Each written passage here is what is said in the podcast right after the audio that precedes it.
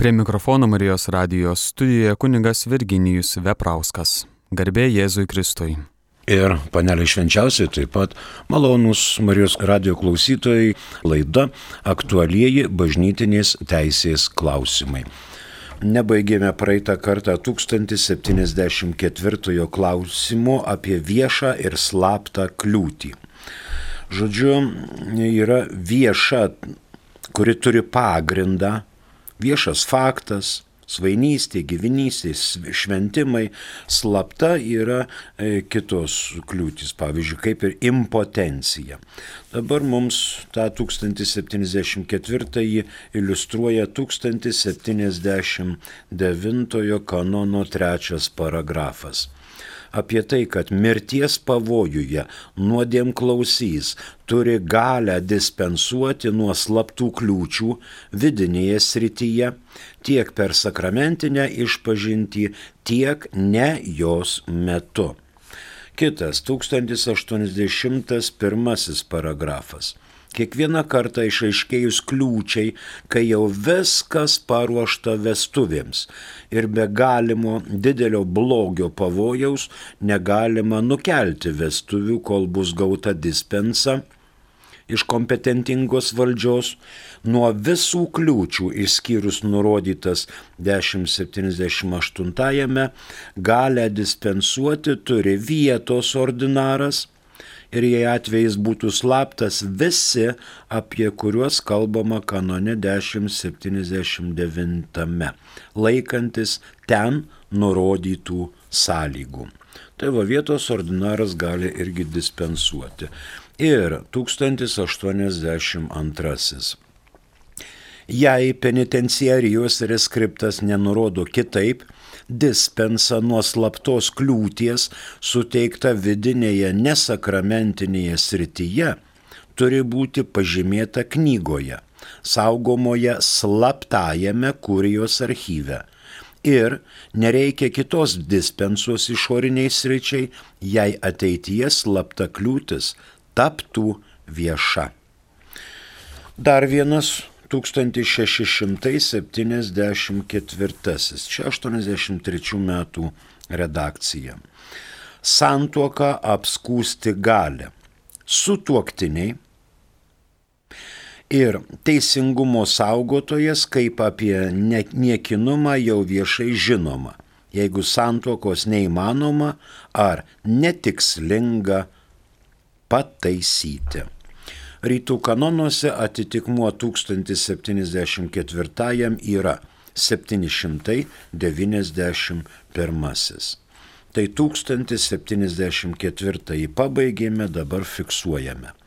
Vieša laikoma kliūtis, kuri gali būti įrodyta išorinėje srityje. Kitu atveju yra slapta.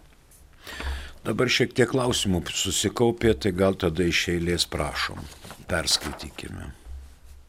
Ar natūralų šeimos planavimą taikant vengti neštumo yra toleruotina katalikų santukoje ką tik susituokus?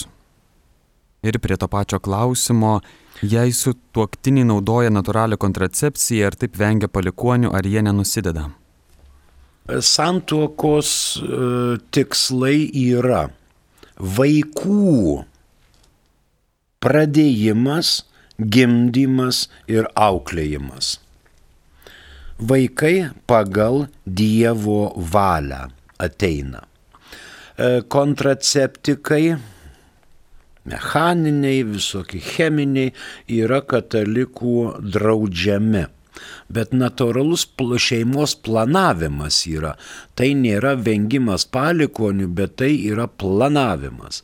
Ir matot, mes e, čia eterio bangom negalim įvertinti daugelio dalykų. Kaip šeima gyvena, kokiu būdu gyvena, ar jau turi vaikų, pavyzdžiui, gal buvo vaikai kokie trys iki santuokos. Ir tada reikia konsultuotis su nuodėm klausiu.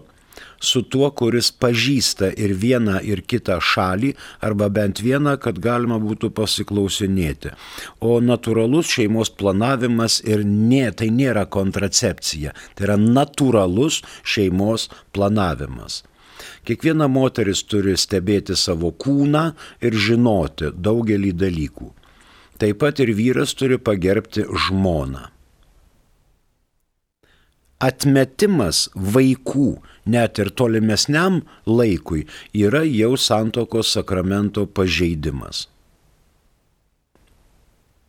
Kol ten būta turniškėse, kol Tesla turėsime arba Porsche, tai tada galbūt, o dabar mes esam neturtingi bėdni ir nenorim vaikų. Šitas vaikų atmetimas jau yra pagrindas skelbti netgi santuoką negaliojančią.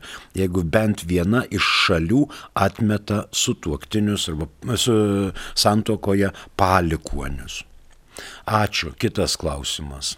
Jei susituokia jauni žmonės, tačiau dėl nepakankamos potencijos iki galo netliekamas lytinis aktas ar santuoka įsigalioja?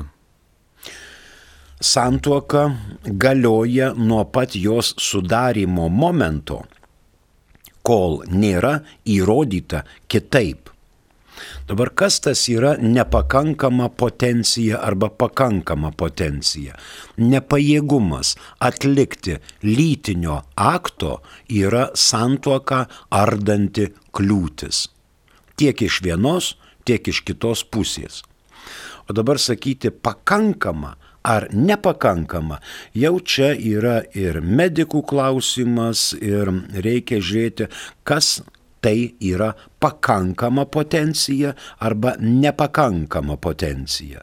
Ir atliktas iki galo arba atliktas ne iki galo lytinis aktas.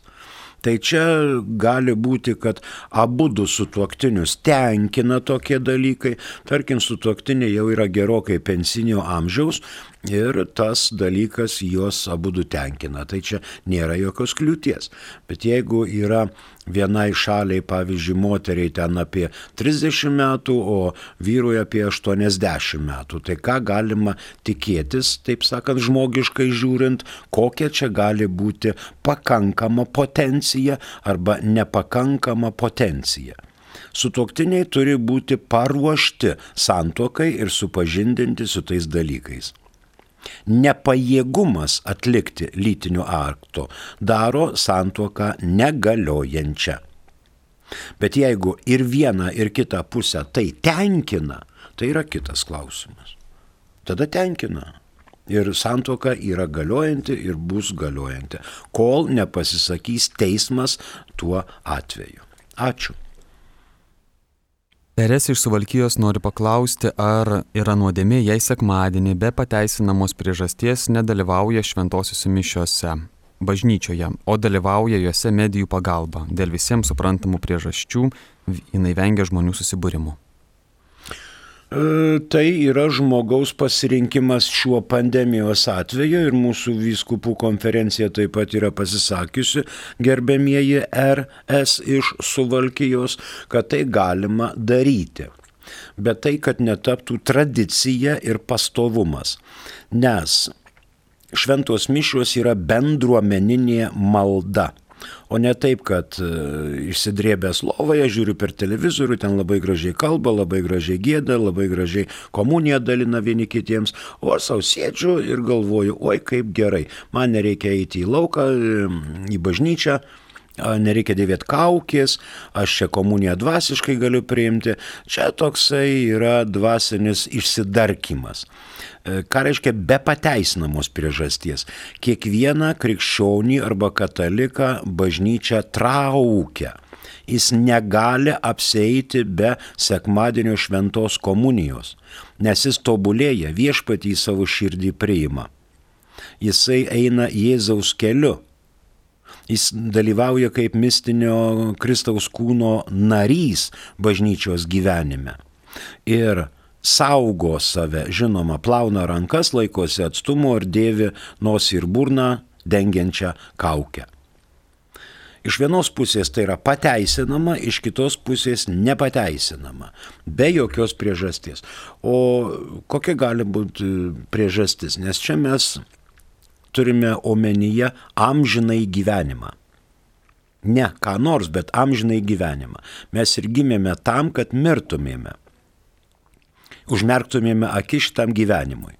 Žmogaus būsena yra natūrali, kada jisai vienyje savo kūnę ir sielą. Mirties atveju siela nuo kūno atsiskiria ir tai yra nenatūralus žmogaus būvis. Ir dėl to žmogus tos mirties bijo. O sėdėjimas namuose ir žiūrėjimas televizoriui be pateisinus priežasties ėjimas, neėjimas į bažnyčią, tai yra jau išsikalinėjimas. Mes į bažnyčią einame bendruomeniniai maldai sekmadienį tai yra įsakyta ir sekmadienis yra pareiga. Ačiū. Kitas prašom. Virgilijus klausia, ar dvasinė komunija yra tolygu ostijos prieimimui, jei žmogus dėl kokios tai priežasties negali priimti komunijos įprastu būdu. Jeigu dėl kokios nors priežasties, tai vad įvardinkit man kokią nors priežastį. Aišku, jeigu ligonės prikaustytas lygos patale, jis negali nuvykti. Jis neturi pagalbos, kas jį su tais kompensacinė technika jį palydėtų į bažnyčią. Aišku, jis prieima šventąją komuniją dvasiniu būdu. Tai yra to lygu. Tikrai tai yra to lygu.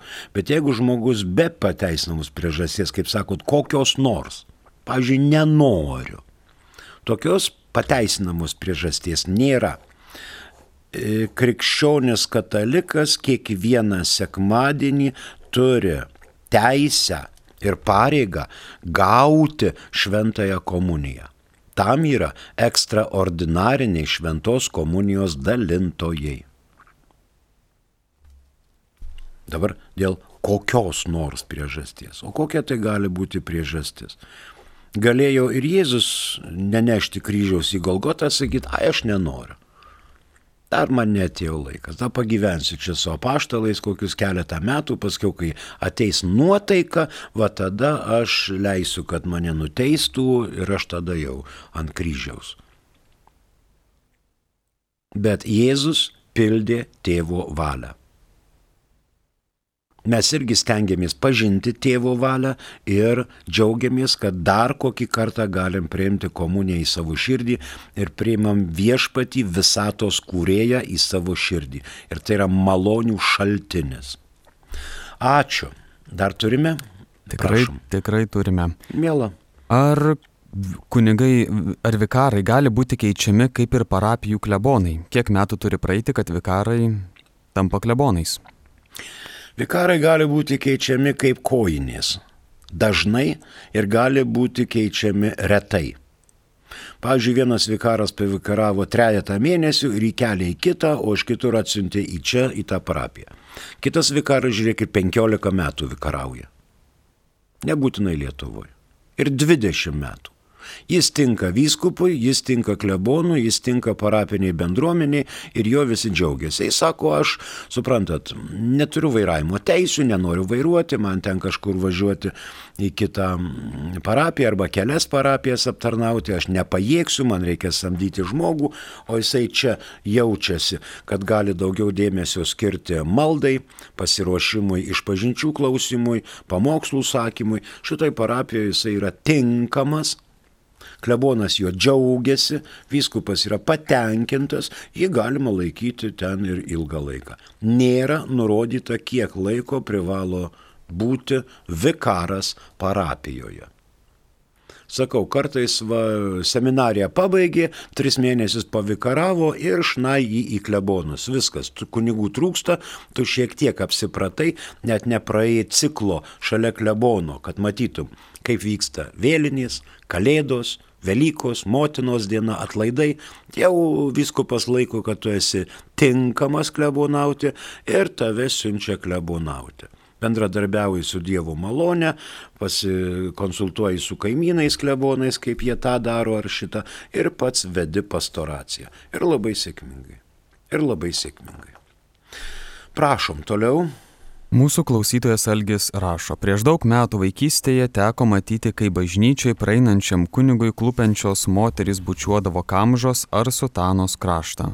Ar tai buvo liaudės tradicija ar liturgiškos apieigos dalis? Visi kunigo rūbai yra pašventinti. Sutana, kamža, stula, alba, arnotas, kapą ir taip toliau. Dabar paminate, kad kai Jėzus ėjo ir jį spaudė minę, tai jisai pajuto, kad prie jo rūbo prilindo moteriška ir palietė, kuri pati savo širdie sakė, jeigu paliesiu bent jo apvado kraštą, kutosėlį, pasveiksiu. Jis palietė ir pasveiko. Tada Jėzui sakė, Jėzus atsisuko dairėsi tos, kuri tai padarė. Ir sakė, kuris tai padarė. Paštlai sako, ei, šefai, žiūrėk, tavegi spaudžia, čia, supranti, su trepen, su, su, su maigys, su, su trins, ką tu čia ieškai, tave spaudžia minė. O jis vis tiek ieškojo, kas ta moteris. Ir tada, kai jisai surado, sako moterį, aha, tai ta moteris, suprantat, toj kultūriniai terpiai, moteris. Turėjau tokį tikėjimą, kad pasakė, jeigu paliesiu bent jo kutosėlį, pasveiksiu. Ir jinai pasveiko nuo kraujo plūdžio. Tai nėra tas kraujoplūdis, kuris, taip sakant, moters organizmas laiks nuo laiko ten į mėnesį kartą valosi, bet nuo kraujos plūdžio lygos. Jis pasveiko. Dabar, jeigu žmogus turi tokį tikėjimą, pavyzdžiui, atliko išpažinti iš keliasdešimt metų laikotarpio, kunigas jai ten pasakė, suramino, atvedė ant kelio, pamokė, tai jinai iš to džiaugsmo bučiuot gali ne tik tai kunigo stulą, kuri yra pašventinta, bet ir kamžą ir sutaną. Tai yra liaudiškas pamaldumas. Ir dabar yra kaiminė valstybė per Advento gavėnios laikotarpį, kai kunigai klauso iš pažinčių, jie iškiša ka, stulą ir žmonės po išpažinties prieina ir stulą tą kryželį bučiuoja. Pabandyk tą stulą įmesti į klausyklą. Tai pasilenks ir pradės graibyti. Ir ieškoti tos stulos. Jau geriau išmeti ir kas nori bučiuoja, kas nori nebučiuoja. Čia yra pamaldumo praktika. Už kryžiaus bučiavimą anksčiau būdavo duoti tam tikras, duotas tam tikras skaičius atlaidų. Ir tikrai bučiuodavo. Ir dabar bučiuoja algi. Tikrai bučiuoja. Kunigas altorių bučiuoja. Relikvijas bučiuoja, kai yra atitinkamos dienos, pavyzdžiui, Šventos Teresėlės relikvija. E, Šventos Teresėlės relikvija, man atrodo, pirmo laipsnio yra net Tartų bažnyčioje. Tartu. Tai va, kas ten nuvažiuoja, koplyčioje kairėje gali rasti tą Teresėlės relikviją ir pabučiuoti. O kas čia tokio? Tai yra pamaldumo ženklas. Matot, dabar mes žiūrim labai estetiškai nusiteikę algi ir galvojam, kad dieve, dieve, čia dar snarglėti, seilėti, čia lys, paskui čia mm, užkrės, čia bacilos. Nu, čia yra tikėjimo reikalas. Vieni nekreipia dėmesio, kaip šventas Dominikas mm, Honolulu tenais marus sergančius globojo e, eilę metų ir neapsikrėtė. Kiti vien tik tai praeina pro šalį, gauna užkratą ir taip toliau. Čia yra mūsų tikėjimo pozicija, mūsų nusiteikimas Dievo atžvilgiu. Ar mes bijosime ir nuo to niekas nepasikeis, ar mes nebijosime ir gyvensim savo tolesnį gyvenimą pasitikėdami Dievu. Čia jau Dievo sprendimai. Ačiū Algi. Toliau turime, prašom. Išyrus civiliniai santokai antroji ar gali būti laiminama bažnyčioj? Nesupratau. Išyro civilinė santoka. Jeigu šitoje civilinėje santokoje buvo ir bažnytinė santoka, tai civilinė santoka šiuo atveju gali būti nutraukta O dėl bažnytinės santokos kreipiamasi į bažnytinį teismą ir jinai gali būti pripažinta negaliojančia. Jeigu bažnytinis teismas pripažįsta šitą pirmąją santuoką negaliojančią, tada yra išleidžiamas sprendimas. Sprendime yra nurodoma, kokiomis sąlygomis asmenys gali sudaryti santoką. Ar laisvai be jokių kliūčių, ar tik tai įrodę savo tinkamą pasiruošimą santokai.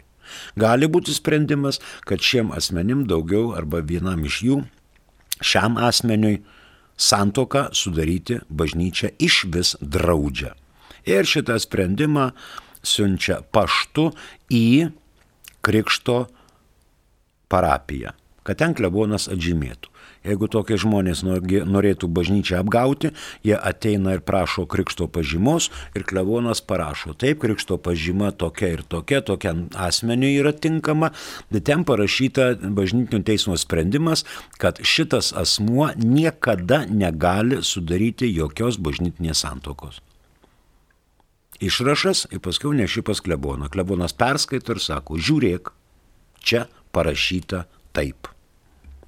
Taigi žiūrime į sprendimą. Jeigu civilinė santoka buvo sudaryta, bet bažnytinės santokos nebuvo, ir dabar išsiskyrė jie ir nori sudaryti kitą civilinę ir, ir bažnytinę santoką, tai jie tada nueina pas kleboną ir klebonas atlieka tyrimą. Ką veikiai tiek metų, kiek tu vaikų turi arba neturi, dėl ko neturi, dėl ko turi, ar žmona mirusi, ar gyva, kas įvyko, kas atsitiko, gal avarija buvo, tai tada jau nėra santokos nei civilinės, nei bažnytinės, jau iki vieno iš sutoktinių mirties ir taip toliau. Klebonas daro tyrimuką. Ir po šito tyrimuko viskas paaiškėja. Jeigu vaikai yra nepilnamečiai, paaugliai, tai reikia žiūrėti, kas juos išlaiko ar ta šalis, kuri pasitraukė, pakankamai deda pastangų, kad galima būtų tuos vaikus ir toliau auklėti, ar jiem teismas pripažino ten į savaitę porą dienų leisti laiką kartu, paimti iš mokyklos, nuvežti į būrelį. Na tai yra labai daugelis, daug klausimų, į kuriuos reikia atsakyti. Bet tyrimukas tą paprastai parodo. Ačiū. Kitas Sigitas klausia, esame tikinti sutuoktiniai ir vienas turi dvasios tėvą, kitas ne. Ar primtina prašyti kunigą būti dvasios tėvo abiems sutuoktiniams? E, matot, paprastai pats asmuo renkasi sigitai. Ar jis nori turėti dvasios tėvą, ar jis nenori turėti dvasios tėvo. Užtenka atlikti bent kartą per metus apie Velykas išpažinti. Dabar pridėkim ranką prie širdies ir pažiūrėkim, kada mes buvome išpažinties. Šiais metais tikrai nebuvom, taip? Praeitais gal. Tai vat pasistengim bent nueiti iš pažinties apie Velykas. Jeigu jūs randat kunigą, kuris jūs supranta, atjaučia, įsigilina į jūsų situaciją. Tai yra perlas, kurį reikia be galo branginti.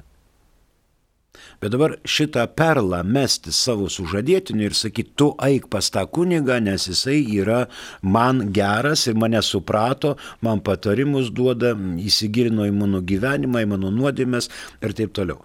Tai dabar kita šalis sakys, tau reikia, tu ir eik, o man užtenka išpažinties. Dvasinis vadovavimas nėra būtinas. Tokį dvasinį vadovavimą mes gauname kiekvieną sekmadienį ateidami į bažnyčią klausydamiesi homilijos. Pasižiūrim, ką mums Jėzus sako per Seno testamento skaitinį, per Naujo testamento skaitinį ir per Evangeliją už ką bažnyčia meldžiasi šį sekmadienį. Ir va tai yra tam tikras dvasinis vadovavimas, kadangi žinome, kad e, sekmadienis yra paskirtas viešpačiui ir tegul šventa dvasia įkvepia mūsų širdį laikytis to, kas yra parašyta. Ir dar kunigo homilija. Jeigu homilija eina apie mišką, apie sodžių, apie užpakalį porą žodžių, tai ten gal ir nelabai homilija, bet paruošta homilija visuomet yra saistanti skaitinius ir tai yra visiems dvasinis vadovavimas. Jeigu kyla kokių minčių, galima užeiti į raštinę po mišių pas kleboną, sakyti, žinai, klebonė, dar porą žodžių šito klausimu, nes aš nenugirdau, čia vaikas suklykė, sucypė ir aš nenugirdau, tu man biški paaiškink va šitą dalyką, kaip čia yra. Kunigas sakys, taip, taip, taip, va, va, va, dabar viskas. Šitą savaitę gali medituoti, egzhortuoti, kontempliuoti šitą sakinį ir tu pagalvo, ką tavo gyvenime reiškia įsirėžęs kaip meteoritas šitas sakinys į tavo širdį. Ačiū Sigitai. Prašom kitas. Angelė įdomu, tai kas sugundė Jėvą - angis ar žaltys? O viešpatie, kas čia dabar? Angis ar žaltys? Žinot, pirmykščiam žmogui, nu, mums liko 10 minučių, aš dabar jau nesakau, palaukit, 1, 2, 3, dar 5 žinutės yra ekrane, o pas dirbantį už pulto kiek yra žinučių, jau pasibaigė. Tai dabar klausykitės. Evan... Biblija rašyta ne Lietuvoje, ne lietuvių kalba ir nelietuviams. Biblija buvo rašyta ten, kur plus 42,5 laipsnio karščio šešėlyje. Tokiomis aplinkybėmis Dievas apgyvendino žmogų sodę. Medžiai, atgaiva, vėsa, drėgmė, pavėsis, aplinkui netausys raitosi kaip karšta, o čia Dievas apgyvendino žmogų sodę. Žiaumok, vaisius, lapus, salotytės, ridikėlius, kyviukus, bananikus ir ką tik tai tu nori. Kaifuok. Dievas žino, kad žmogus evoliucionuoja. Tada Dievas pasakė, žinai, nuo visų medžių valgyk, bet vad sodo viduryje auga gero ir pikto pažinimo medis. Nuo šito medžio vaisių tu kol kas nevalgyk. Aš pažiūrėsiu, ar tu turėsi valią, ar iškesi. Nu, pažiūrėsim. Tada Adomas atliko savo konkretų vyrišką darbą, nusisuko į sieną, užknarkė, o žmona gavosi, jeigu ant plūdį pradėjo slampinėti po sodą ir taip toliau ir taip toliau. Pikta dvasia puikiausiai žino žmogaus psichologiją.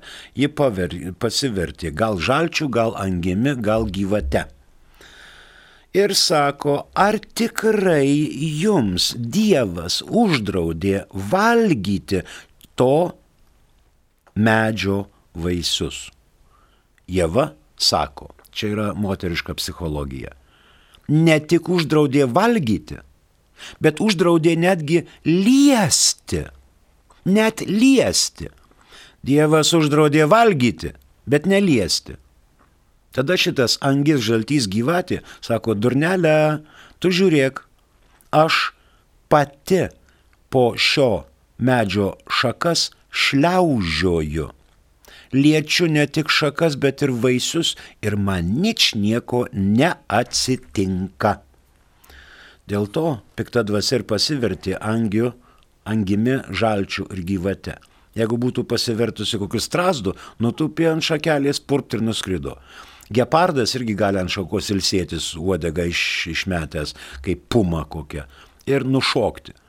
Šernas tai neužlips, stirna irgi neįdomu, žirafa gal tenka, bet vas pasimvertė šliaužiojančiuoju, kuris liečia visų kūno. Ir sako, durnelė, matai, matau, tai paragauk. Tada reikėjo klykt, adomai čia kažkas ne taip.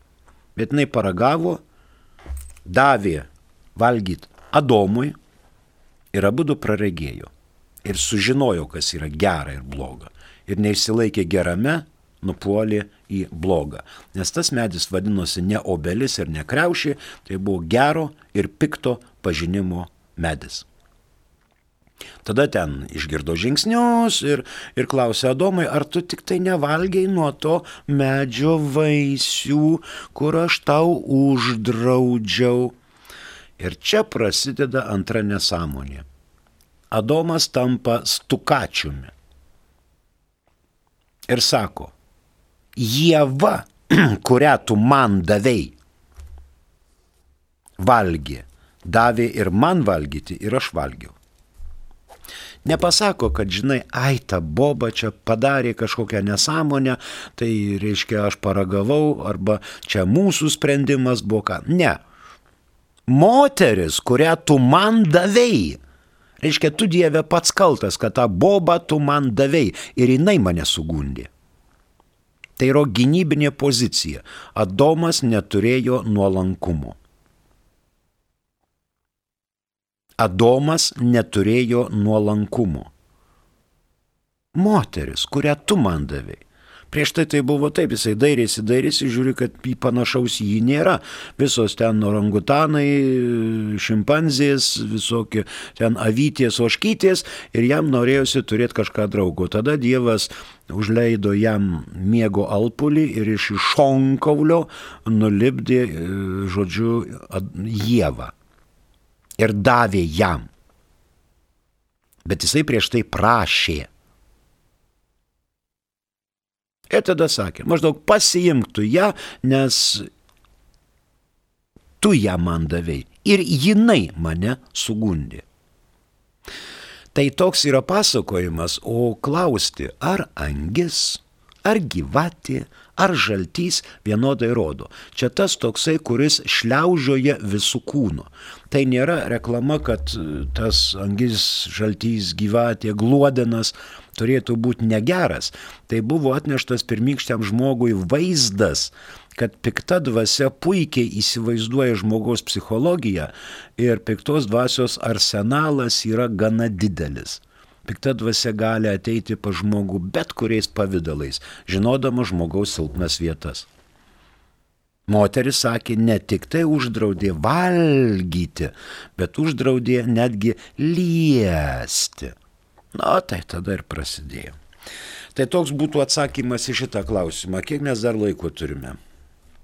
Dar turime kokias penkias minutės. Na tai pabandykim dar kokią, kokį klausimą. Prašom, perskaitome. Klausytojas klausia, ar eiti balsuoti, jei abiejų kandidatų moralinės savybės nuomonės darbai netitinka krikščioniškų vertybių. Ua, 80 procentų krikštytų Lietuvoje Taip, ne tik tai pravoslavai, evangelikai, liuteronai, bet ir katalikai.